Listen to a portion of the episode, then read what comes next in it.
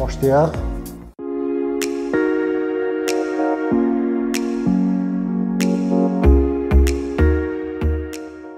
Biznesiniz üçün kölgəlik sistemləri yaradan Smart 10 şirkətinin sponsorluğu ilə verilişimiz davam edir. Dəyərli izləyicilərimiz salam, hər birinizi salamlayırıq. Bugünkü bizneskarın qonağı memar dizayner Əfsanə Muradovadır. Əfsanə xanım, xoş gəlmisiniz. Salam, xoş gördük. Əfsanə xanım, ilk sualım belədir. Yəni siz kifayət qədər ə, sosial şəbəkələrdə, ən azından Instagramda sizi tanıyırıq, oradan gördük, tanıdıq. Ümumiyyətlə belə tanışdığımız da var. Amma ə, izləyicilərimiz üçün bir məlumat verərdiniz. Əfsanə Muradova kimdir? İzləyicilərimiz də tanısın sizi. Əfsanə Muradova Zərdab şəhərində doğulmuşam. Bakıda böyümüşəm. İki bakalavr təhsilim var. Biri Azərbaycan Dilləri Universiteti, ingilis dili üzrə. İkinci təhsilim İtaliyanın Florensa şəhərində almışam, Akademiya İtalyanada. Dizayn üzrə, memarlıq və dizayn üzrə. Afsana Dizayn MMC-nin təsisçisi və rəhbəriyəm. 10 ildən yaxındır ki, 10 ilə yaxındır ki, memarlıq və dizayn sahəsindəyəm. Əfsan xanım, bu tikinti sahəsinə, ümumiyyətlə tikinti sahəsinə gələnlər əksər insanlar təsadüfən, yəni bu yola bu yolu seçir, gəlir işləməyə. Mənim yadımdadır ki, o vaxtlar qadın dizaynerlər nisbətən az idi və yeni-yeni yaranırdı bu sahə. Yəni sizin bu seçiminiz necə oldu? Şuurlu seçim oldu bu tikinti dizayn sahəsinə gəlməyiniz? Mənim əvvəldən hətta Dillər Universitetində oxuyan vaxtlardan belə memarlıq, dizayn bu sahəyə çox marağım olub. Mənim atam 40 ilin tikinti sahəsində mühəndis işləyir. Yəni uşaqlıqdan həmişə də bizdə belə bir mövzu var idi. Evi dəyişmək periodu keçirmişdik bir ara. Necə torpaq alıb evimi tikmək yoxsa mənzilimi almaq. Bu mövzu evdə çox müzakirə olunurdu bir aralar. Mən həmişə xəyalımda öz evimiz necə olacaq, onu canlandırırdım. Hətta otaqlarına kimi, nə harda olacaq. Yəni uşaqlıqdan çox həvəsim olub, olub bu sahəyə.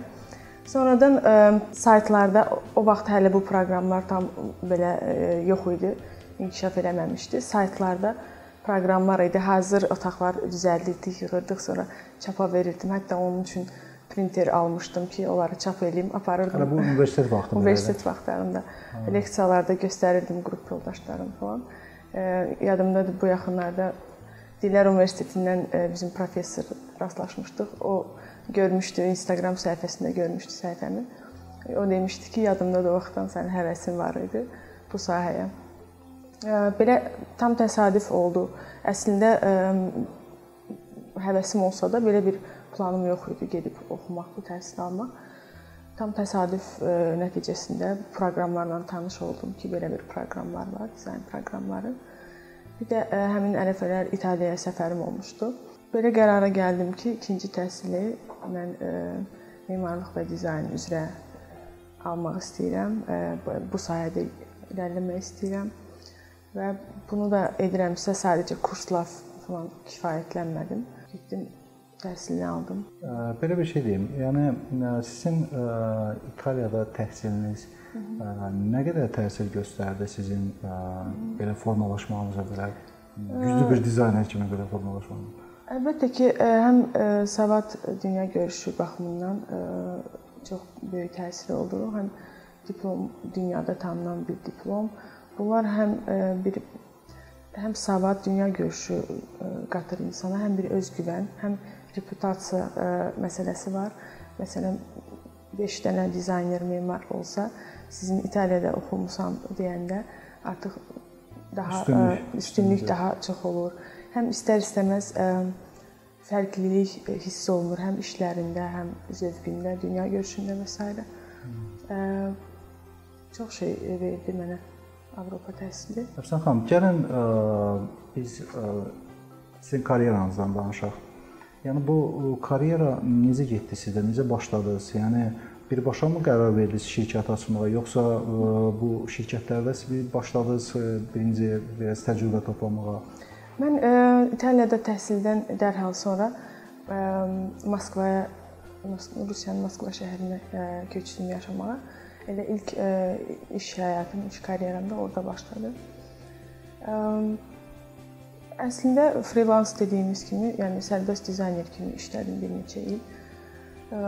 Moskvada Moskvada bir neçə şirkətdə də işlədim, amma yəni fikrimdə həmişə olub da, hətta tələbə vaxtından fikrimdə olub ki, öz şirkətim olsun, öz brendimi yaradım belə deyək.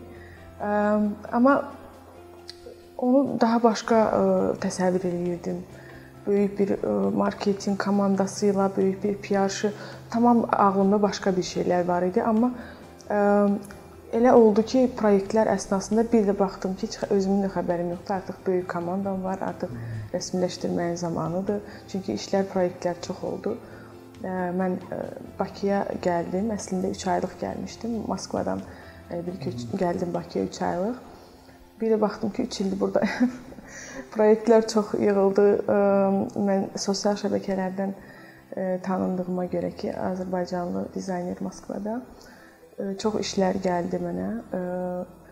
Elə qaldım burada. Şirkəti də burada açdım. İşlər çoxaldıqca köməkçi işçilərə ehtiyac yarandı.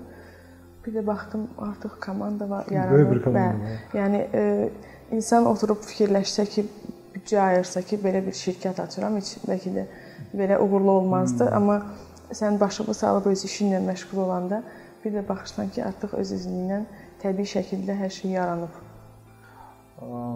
Mən bu sualı sizə niyə verdim? Ümumiyyətlə adətən başqa ölkələrdə təhsil alınanda onlarda bir o həmin ölkənin bir üslubu, çalarını götürürlər. Öz işlərində o bilinir. Hı -hı. Sizdə məsəl üçün həm deyirsiniz Rusiyada işinizi başladınız, sonra burada davam elədiniz.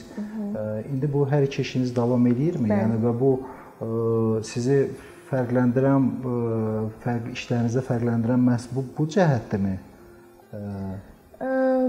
Bildiyimiz kimi Rusiyada bu bu kimi məsələlər biraz daha disiplin məsələləridir, işə yanaşmada daha ciddiyyətli o məsələlər o orada biraz çox ciddi şəkildədir. İstər-istəməz insan bizdə bizim özümüzdə də italyanlar kimidir də o saat məsələsi olsun, işi vaxtında təhvil vermə məsələsi olsun. Biraz biz biz italyanlarla çox oxşarıq ümumiyyətlə. Rusiyada biraz bu məsələlər çox daha çox ciddidir. Yəni. Bəli. Ümumiyyətlə işlərin təhvil verəndə detallı çox detallı işlənməyidir və s. Məsələn, burada bəlkə də bir-iki şəkil e, vizualizasiya və bir-iki ölçü ilə proyekti təhvil edirlər, amma orada sənədləşmə işləri bəli, çox vaxt alır da belə deyək. İşçilik e, dokumentasiyası deyilən o məsələlər hmm. çox detallı şəkildə işlənilir.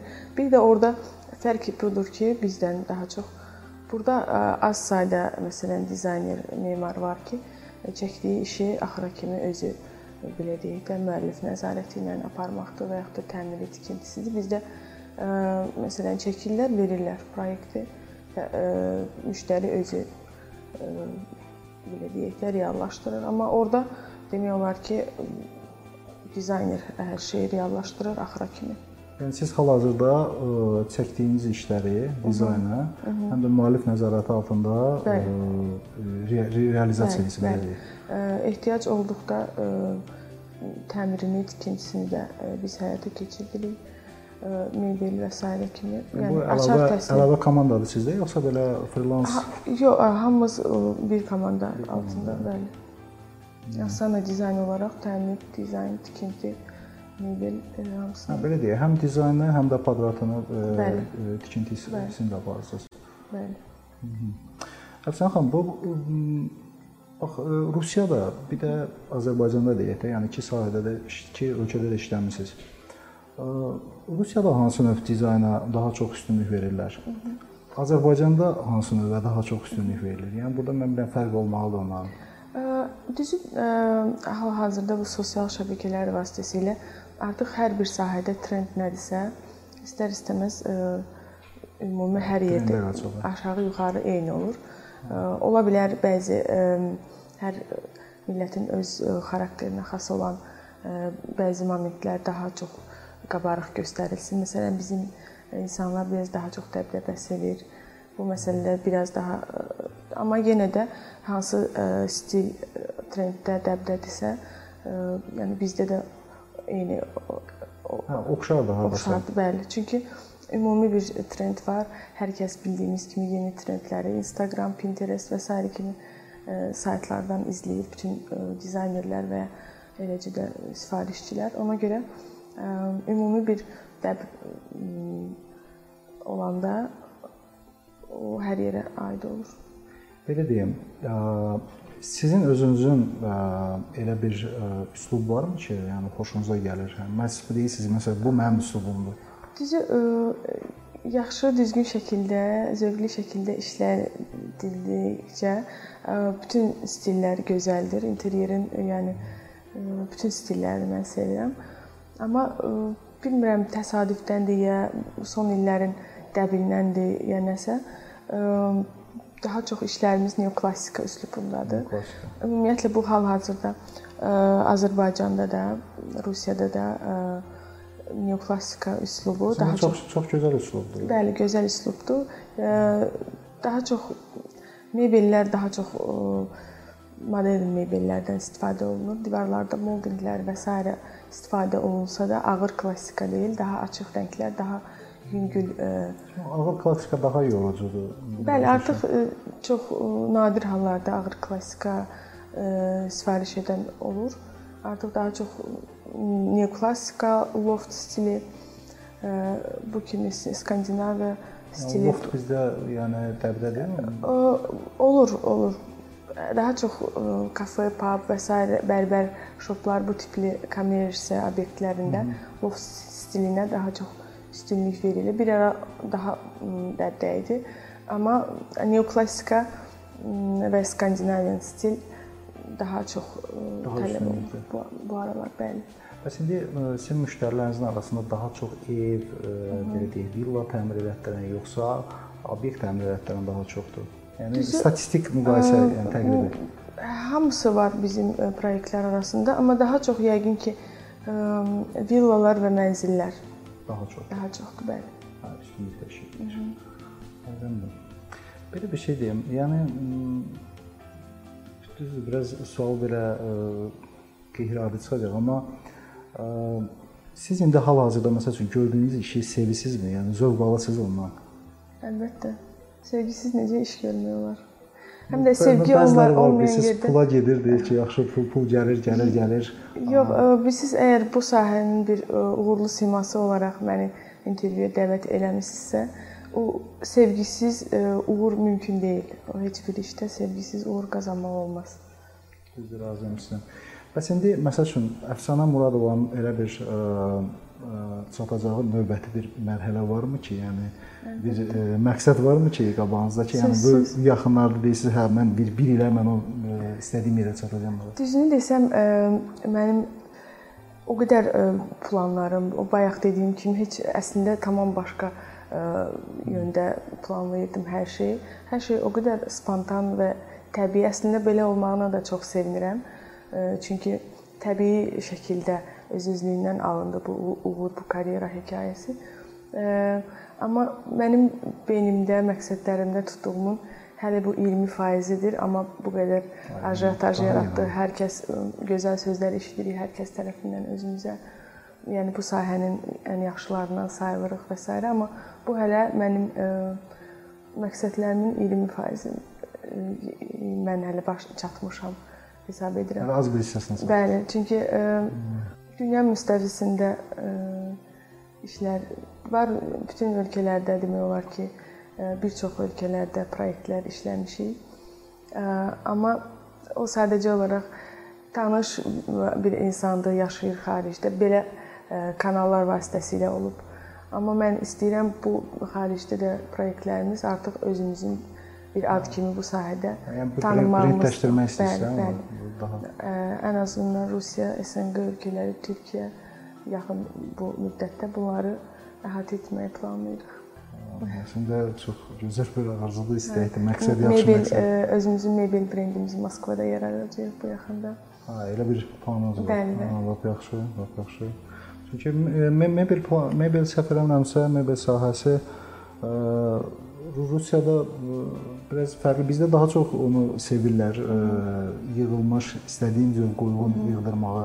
Orada da mı elə bir tələbat var? Bəli, bəli, orada da artıq dizayn nə tərəfindən işlənmiş iş elədir ki, orada hər şey individual ölçülərə malik olur. Çünki hazır məsələn yumşaq mebellər və s. bunları almaq olur, amma çox mebellər artıq ə, dizayner ə, çəkdiyi dizayna uyğun gəlsin deyə ə, sifarişlə verilir. O da demək olar ki, mən Moskvadakı bütün işləri açar təslim özüm hər şeyini təmin elədiyim üçün belə bir fikrə gəldim ki, onsuz da bu bu, bu mebeli mən satıram müştəri. Hmm. Nə də ki öz öz mebelimi satım, öz brendim olmasın. Allah xeyirli olsun işiniz. Yəni maraqlı bir ə, sahədir. Hı. Ə, xeyirli olsun. Ə, belə bir sualım var. Ə, bəs Əfsanə xanım necə çatdırır bu qədər yerdə? Həm Rusiyada, həm Azərbaycanda, həm təm dizayn dizaynerlərə nəzarət elə, həm tikintiyə nəzarət elə. Yəni bu çətin deyil. Çətindir, çox çətindir. Ə, adam əvvəl elə bilirdim ki, məsələn, təkəm bu qədər iş çatdırıramsa, bir işçi, köməkçi götürəcəm. Məsələn, bu iş yarı bölünmüş olacaq. Hətta bir sadəcə vizualizasiya və s. sayəsində kompüter arxasında demək olar ki 11-12-dən çox köməkçim olduğu zamanlar belə olub. Amma de, belə deyək də bir dənə köməkçin olanda bir bir nəfərin işini korrekt eləməyə bir vaxtın gedirsə, 11-12-də olanda artıq 12 Anladım. dəfə artıq iş görmüş olursan. Əslində ə, yəni yenə də çətindir, azaltmır. Yəni bu məsuliyyəti və işi azaltmır. Amma belə Bəs işimizi sevirik. Yorulmuruq. Əlbəttə yaxşı. Bəs kadrların seçimində Hı -hı. Çətinliyiniz olurmu ümumiyyətlə burada? Rusiyada necədir, burada necədir? Əlbəttə çətinlik olur. Bilirsiz, e, mən hazır bir e, marketinq PR şirkətinin bir plan üzrə qurub qurub ortaya çıxartdığı bir şirkət və ya brend deyiləm. Mən özüm e, self-made bir e, işdir bu dediyim kimi təbii yolla belə alınmış. da deyək. Bəli. Sıfırdan. Ona görə burada əlbəttə ki, səhvlər də çatışma, kadr çatışmazlığı və s. kimi məsələlər artıq illər keçdikcə özüm onları mənimsəyirəm. Kadr seçimi olsun, iş idarə olsun və yaxud da müştəri ilə iş qurma prinsipləri olsun. Bunlar hamısı zamanla işlədikcə belə deyək, öz öz təcrübənizdir. Bəli, təcrübələrdir. Bunlar artıq yəni yetişmişik. Kifayət qədər təcrübəmiz var bu sahədə. Hər şey daha yaxşı olacaq. Belə bir şey deyək. Siz ümumiyyətlə indi bu tikinti sahəsini bildiyi bu sahədə professional çalışırsınız. Ümumiyyətlə başqa bir sahəyə investisiya qoymaq və yeni bir biznes açmaq ideyası varmı? Var əslində bir neçə var yaxın gələcəkdə, uzaq gələcəkdə olan planlar var. Ümumiyyətlə dizayn afsan olaraq həm interyer dizayn, landşaft, eksteryer və s. bu sahədən əlavə, yəni memarlıq sahəsindən əlavə geyim, fashion qolunda yaratmaq planımızda var yaxın müddətdə. Bundan əlavə ümumiyyətlə daşınmaz əmlak və s. kimi bu kimi məsələlərdə Moskvada məşğul olmaq fikrim var. Yəni artıq neçə ildir bu sahənin içindəyəm. Bu sahədə çox təcrübə qazanmışam və düşünürəm ki, tövhəmi verməyə hazır hazır vəziyyətdəyəm də. Həm daşınmaz əmlak sahəsinə yaxşı töhfə vermiş olaram, həm də özümə yeni bir belə deyək, biznes mənbəyi sahəsi. Bəli. Bundan əlavə uzaq gələcəkdə də arzularımız, planlarımız çoxdur. Məsələn, otel açmağı düşünürəm. Yəni isə dizayn, öz dizaynınız hə, bir şey. Hə də, əslində ə... maraqlı olar baxmaq necə olardı. İndi bunu e, dedim ki, görək bir neçə il bundan sonra Əgər alınsa bir dənə də intervyu sizlə eləyərik. Hə, Artıq bu arzuların həyata keçmiş vəziyyətində. Əfsanə xanım, deməli bu müharibə oldu ölkədə. Yəni Qarabağda müharibə getdi. Mənim yadımdadır ki, siz həmin vaxtı nəinki siz, yəni çox vətənpərvər insanlar hansı ki, bu Facebookda, Instagramda hər yerdə aktiv idilər, yazırdılar, müəyyən bir erməni bu təbliğatına qarşı çıxırdılar. Siz də iştirak edirdiniz, mən aktiv izləyirdim. Və bəzi bəzi hallarda da blok edirdilər, səhv eləmirəmsə blok da edirdilər sizə. Sualım belədir ki, biz bu müharibədə qalib ölkə kimi çıxdıq. Qarabağ artıq Azərbaycandır. Bu yəni sevindiricidir, hamımızın qürurudur, sevincidir. Həqiqətən hamımızı təbrik edirik. Sualım belədir. İndi hal-hazırda Qarabağda böyük tikinti quruculuq işləri gedir. Sizin şirkət bu tikinti quruculuq işlərində planlaşdırırmı iştirak eləməyi? Niyə ki, yox. Hər şeydən öncə bir iş və biznes kimi bir qırağa mənəvi olaraq çox arzumuz olub həmişə. Əlbəttə, yəni istəyərik. Planda da var. Yəqin ki, bu sahədə tanınmış bir şirkət, bir tanınmış bir ad olaraq o oradakı o qədər layihələrdən hər halda bizə də pay düşər. Pay düşər. yəni bu bizim üçün çox böyük bir şərəf olar və çox maraqlı, çox mənəvi ruh yüksəkliyi ilə bu işi həyata keçirmiş olarıq. Xüsusi nəsə bir layihələriniz varmı hansın ki, məsəl üçün hazırlamısınız, məsəl üçün Şuşa üçün və yaxud da digər ki, mən təqdim eləmisinizmi ki? Əslində bu məsələlər bilirsiniz, əvvəl-əvvəl çox həvəsləndik. Məsələn, belə bir şeylər var idi. Təklif kimi öz ideyalar, əmin tutalım Şuşa olsun adam olsun, o, yerlərin konseptinə uyğun elə researchlər, axtarışlar falan apardıq o dövrün memariyyəsindən uyğunlaşdırma və s. bu kimi şeyləri. Sonra düşündüm ki, belə kör təbii bir e, proyekt təqdim etməkdənsə hal-hazırda yəqin ki, işlər gedir. O şəhər salma və s. məsələləri, onlar da dəqiqləşsə, konkret məsələn hə, proyektlər, hə, aha, konkret proyektlər əsasında öz təkliflərimizi verə bilərik. Yəni düşünürəm ki, çox yararlı ola bilərik öz ideyalarımızla. İnşallah. O müharibə dövründə Facebookda aktivlik məsələsinə gələndə isə bu hətta birbaşa mənim biznesimə belə təsir elədi. Bildiyiniz kimi biz zaman-zaman Facebook üzərindən Instagramda reklam, pullu reklamlar qoyuruq auditoriyanı genişləndirmək üçün. Bu da Məsələn demə bu alqoritmlər, targetinqlər belə işləyir ki, çox o, uzun köhnə bir Facebook səhifə idi məndə çoxdan və kifayət qədər orada çox auditoriya var idi və mən kifayət qədər orada aktiv idim deyə reklam üzərindən qoyanda daha çox ə, belə deyək uğurlu olurdu. Daha da, yox, daha çox ə, belə deyək nəticə, yaxşı nəticə əldə olurdu. O səhifədə mən kommentariyalarda və s. bildiyiniz kimi bizdə bacardığımız qədər e, informasiya savaşında vuruşurduq. 3 dəfədən çox mən e, dalbadal blok olundum. Əslində e, heç bir təhqir və s. yəni yazan bir insan deyilik. Sadəcə faktlarla və s. yazsaq da şikayət olunmuşdu dalbadal faktları yazdığımıza görə. Və mənim Facebooku ümumiyyətlə bağladılar, reklam qoya bilməz mənim Facebookum. Aa, Bəli, ə, e, bağladılar. Hətta müraciət belə elədim. Bir hater olaraq rasi, natsizm falan bu şeyləri ə, ə, e, məni blok elədilər. Yeni ə, e, Facebook səhifədən də olunan reklam əvvəlki ə, effekti vermir. Yəni birbaşa təsir elədi, amma olsun yenə də biz öz sözümüzü həmişə deyəcəyik. Təbii. Təbii. Əfsanə xanım, e, başqa bir sualım. E, kitablarla aranız necədir? Ümumiyyətlə hansı janrı daha çox sevirsiniz? Ümumiyyətlə sevirsinizmi kitab oxumağı? E, belə bir şey deyim, mən anam kitabxana müdiri olub neçə illər. Bizim bacım məndən 6 yaş böyük olub. O çox kitab mütaliə eləməyi sevirdi. Mən hətta 5 yaşımdan mənə yazı oxumaq, yazıb oxumaq öyrətmişdi. Bizim evdə həmişə kitablar olub, həmişə.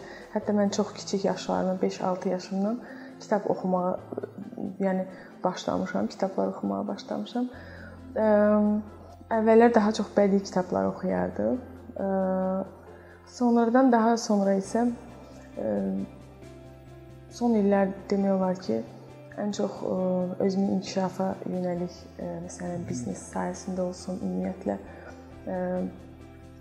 ruhən insanın özünü kamilləşdirmə yönündə Aha. olan kitablar daha çox self improvement deyək də bu, bu yönlü kitablara daha çox üstünlük verirəm vaxt olduqca. Əslində elektron ə, kitablar həmişə ə, yükləyirik telefonlarımıza, amma o əsl kitabın yerini vermir. Biraz oxuyur adam yuxulayır ya başqa bir hə, proqramlara keçirik, sosial şəbəkəyə keçirik, alırıq və s. oxumaq olmur. Amma kitabı ələ alıb əsl oxumağın ə, yeri başqadır. Ə, ümumiyyətlə öz sahəmdə yəni yığdığım təcrübələr, biliklər əsasında kitab e, bu interyer dizayn Azərbaycan dilində kitabı bizdə yəni var hər halda var, amma mənim istədiyim səviyyədə o o kitab hələ ki yoxdur bizdə. Kitab e, yeni kitab istəyirsiniz? İnşallah onu da istəyirəm ə, e, yazmaq Azərbaycan dilində. Ə, sırf ə, belə təlimat kitabı olaraq, məsələn, yeni dizaynerlərə, yeni ə, çox bizə müraciət edir e, yeni başlayan istəyən dizayner olmaq istəyən e, insanlar, gənclər. Biz yəni kurs deyilik. Gələcəkdə yəni böyük məqsədlərdən də biri e, beynəlxalq akademiya Azərbaycanda dizayn sahəsində mən yəni tədris eləmək istəyirsiniz. Bəli, gələcəkdə belə bir fikrim də var. Çünki mən ə, İtaliyada oxuduğum akademiyanı o qədər çox sevirdim ki, onun təhsil ə, sistemini ümumiyyətlə o formatı mən o, o vaxtdan hətta arzulayırdım ki, gələcəkdə bunu belə bir akademiya Azərbaycanda çünki Bakı çox gözəldir. Əminəm ki, dünyanın çox ölkələrindən Bakıda dizayn oxumağa gəlmək istəyənlər çox olar. Bu da bir məqsədimizdir. Əslində çox maraqlı bir ideyadır. Yeni kadrların yetişməsində yəni belə akademiyaların çox əhəmiyyəti ola bilər. Çünki biz görürük ki, tikinti şirkətlərinin hamısını deməyəm, amma bəzilərində nəsə bu tipli nəsə bir şey eləməyə çalışırlar. Hı -hı. Amma beynəlxalq səviyyədə hələ ki heç kim eləmir. Bu bir yenilik olar. Sizə uğurlar arzulayırıq. Çox sağ olun. Əfsanə xanım, pandemiya vaxtı bir çox şirkətlər, yəni real olaraq yəni çökdü. Yəni biznes fəaliyyətini dayandırdı tamamilə. Sizdə ümumiyyətlə necə oldu? Bu nə qədər təsir elədi və təsir elədisə bu vəziyyətdən necə çıxdınız? Əlbəttə ki, hamı kimi bizə də təsir elədi. Hər şeydən öncə mənəvi təsiri də çox güclü oldu. Çünki bizim sahə belə deyək də incəsənət sahəsidir. Birbaşa əhval-ruhiyyə ilə bağlıdır. Məsələn, kefi olmayanda insan bu işi yaxşı səviyyədə görə bilməz. Aha. Biraz panika yaşadıq ilk başlarda necə olacaq? Sual işarəsi altında çox uzun müddət qaldıq. Necə olacaq? Çox məhdudiyyətlər oldu, bağlandı. Əlbəttə ki, krizis özü də təsirləri oldu. Deməzdim ki, tamamilə demək olar həmin ərəfələrdə çox yerlər, işlər bağlansa da biz işləyirdik işləyir. Bizim işlər davam elədi. Amma istər-istəməz məhdudiyyətlər təsir göstərdi. Mənəvi baskı təsir göstərdi. Psixoloji təsir göstərdi. Bəli, biraz oldu. Həsən xanım, necə fikirləşirsiniz? Bax, Azərbaycanda biznes fəaliyyətini də hal-hazırda aparmaq, yəni asanlaşıbmı, çətinləşibmi? Yəni necə görürsünüz? Sizin fikriniz? Ümumiyyətlə deyərdim ki, savad alıb öz işində əməyi, öz əməyi ilə öz işini quran hər bir insana hər yerdə iş də var, çörək də var. Əlbəttə ki, bir iş qurmaq heç yerdə asan deyil. Bizdə mən heç bir ə, maneə görməmişəm hansı hansı bir işimdə MMC-ni yaratdım. Əgər sən öz işini ə, normal şəkildə görürsənsə, heç kim gəlib səni bunu eləmə demir çox normal, çox e, Yəni şərait yaradılır tam şəkildə. Bəli, yəni işin varsa, işini görürsənsə düzgün şəkildə heç kim səni bunu eləmə demir. Mənə deməyiblər hələ ki. Əfsanə xanım, biznesini açmaq istəyən gənc bizneskarlara, sahibkarlara yəni demək istəyirəm. Nə tövsiyə edərdiniz? Tövsiyə mən elə öz sahəmdə deyə bilərəm, çünki son zamanlar bu sahədə gənclər çox can atır bu sahəyə gəlməyə. Yaxşı bir haldır, gözəl bir sənətdir. Niyə də ki, yox, amma sadəcə olaraq tələsirlər bir növ. Məsələn, bir, biz bir yerlərə gəlib çıxana qədər bunun təhsilini aldıq, təcrübəsini qazanırıq və bu gün də qazanmağa davam edirik təcrübəni. Dediyim kimi mən öz özlüyündən hətta yarandı bu hər bir şey. Bir, bir də baxdım ki, artıq tanınıram. Böyüyüb, böyüyüb, böyüyüb komanda böyüyüb, şirkət yarandı və s. Bunlar təbii yolla, yəni bu fake bir uğur tarixçisi deyil. İndi gəlib 2 ay, 3 ay kurs keçirlər, proqramları öyrənirlər. 1-2 ay gəlib praktika keçdikdən sonra gedib ə, hazır Instagram səhifə alırlar. 50 min, 60 min izləyicisi olan. Ə, bir də görsən yazırlar, işinizi professionallara həvalə edin. Və ə, insanlar da sosial şəbəkədə şəkillərdə paylaşırlar.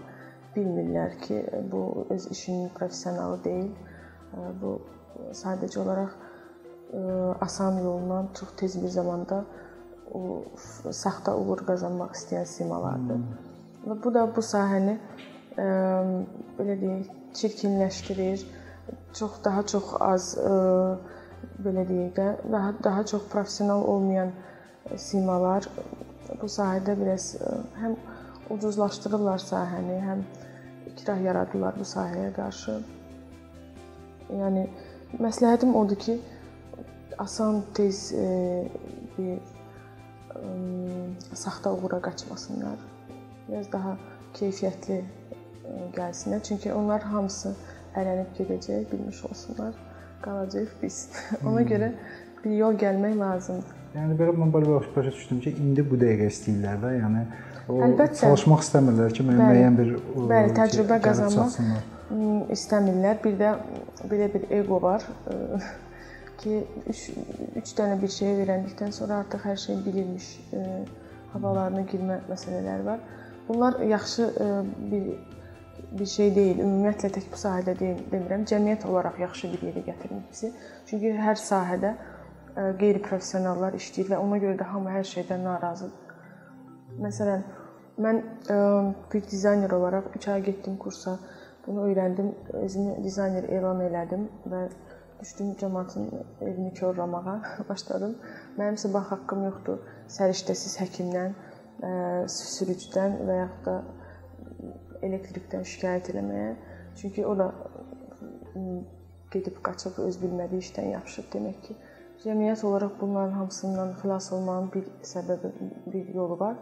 O da hər kəs öz üzərində çalışmalıdır, hər kəs özünü yetişdirməlidir, öz sahəsini və e, professional olmağa çalışmalıdır. Xanım, bilirəm mən sualdan biz əslində axırıncı sualımız idi. Bir dənə sual yarandı burada onu deyim. Bəs müştərilər, müştərilər necə bilməlidir ki, bu ə, həqiqətən peşəkar insandır, hansı ki işini görür və ya yaxud da peşəkar şirkətdir və yaxud da aldadır. Yəni bunu necə bilə bilərlər bunu? Düşünürəm ki, istər-istəməz savadlı insan ə, qarşısındakı insanın savadlı və səriştəli olduğunu iki cümlədən anlayır. Ona görə amma amma mən sizə deyim ki, elə yalan danışan insanlar var ki, elə yalan danışa bilərlər. Deyirsiniz ki, bu elə budur, budur bunun professionalı. Düzdür, var elə şey, bir şeylər, amma ki, Bakı balaca şəhərdir. E, ha, yəni yalanla yəni, hansı neçə neçənci proyektdə kimi gedib çıxa bilmək olar ki. E, əlbəttə ki, onsuz da bu iş çətindir. Çünki nə qədər hətta öz işində ə, təcrübə də qazansan, ad da qazansan, hər tipdə insan qabağına çıxır insanın. 100 proyektdən 90-ı razıdırsa, 10 dənə içindən kaprizli mi deyim, yoxsa sadəcə olaraq tutmur belə deyək də, o kontakt yaranmır, bir-birini başa mı düşmür. Ümumiyyətlə bildiyimiz kimi onsuz da insan tipləri var, fərqli, yəni fərqli, fərqli insan tipləri var və nə yalan deyim, təvazökarlıq çıxmasın. Yox, bizdə deyil, günah ə, müştəridədir falan bu söhbətlər yox, amma fakt budur ki, ə, kaprizli, özünü hər kəsdən, hamıdan ağıllı bilən insan tipləri var. Onlarla işləmək əlbəttə ki, çətin olur.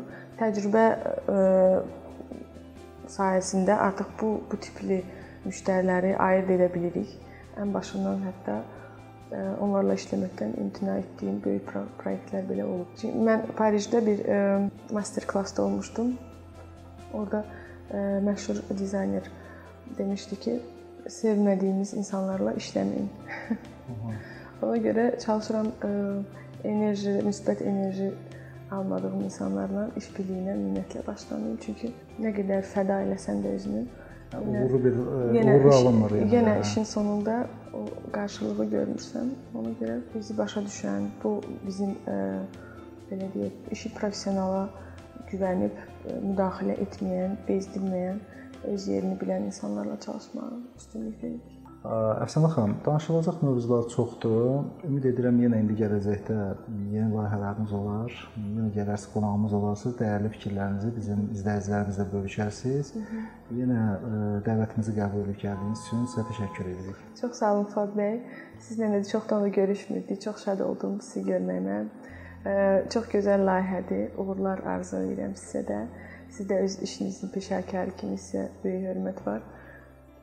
Sizə uğurlar. Dəvət üçün də təşəkkür edirik. Çox sağ olun. Dəyərli izləyicilərimiz, vaxtınızı ayırıb baxdığınız üçün sizə təşəkkürümüzü bildiririk. Əgər həqiqətən faydalı ola bildiksə, bu videonu e, dostlarınızla paylaşın, daha çox insan görsün, şərh edin və fikirlərinizi bildirin. Yeni videolarda görüşmək ümidi ilə sağ olun.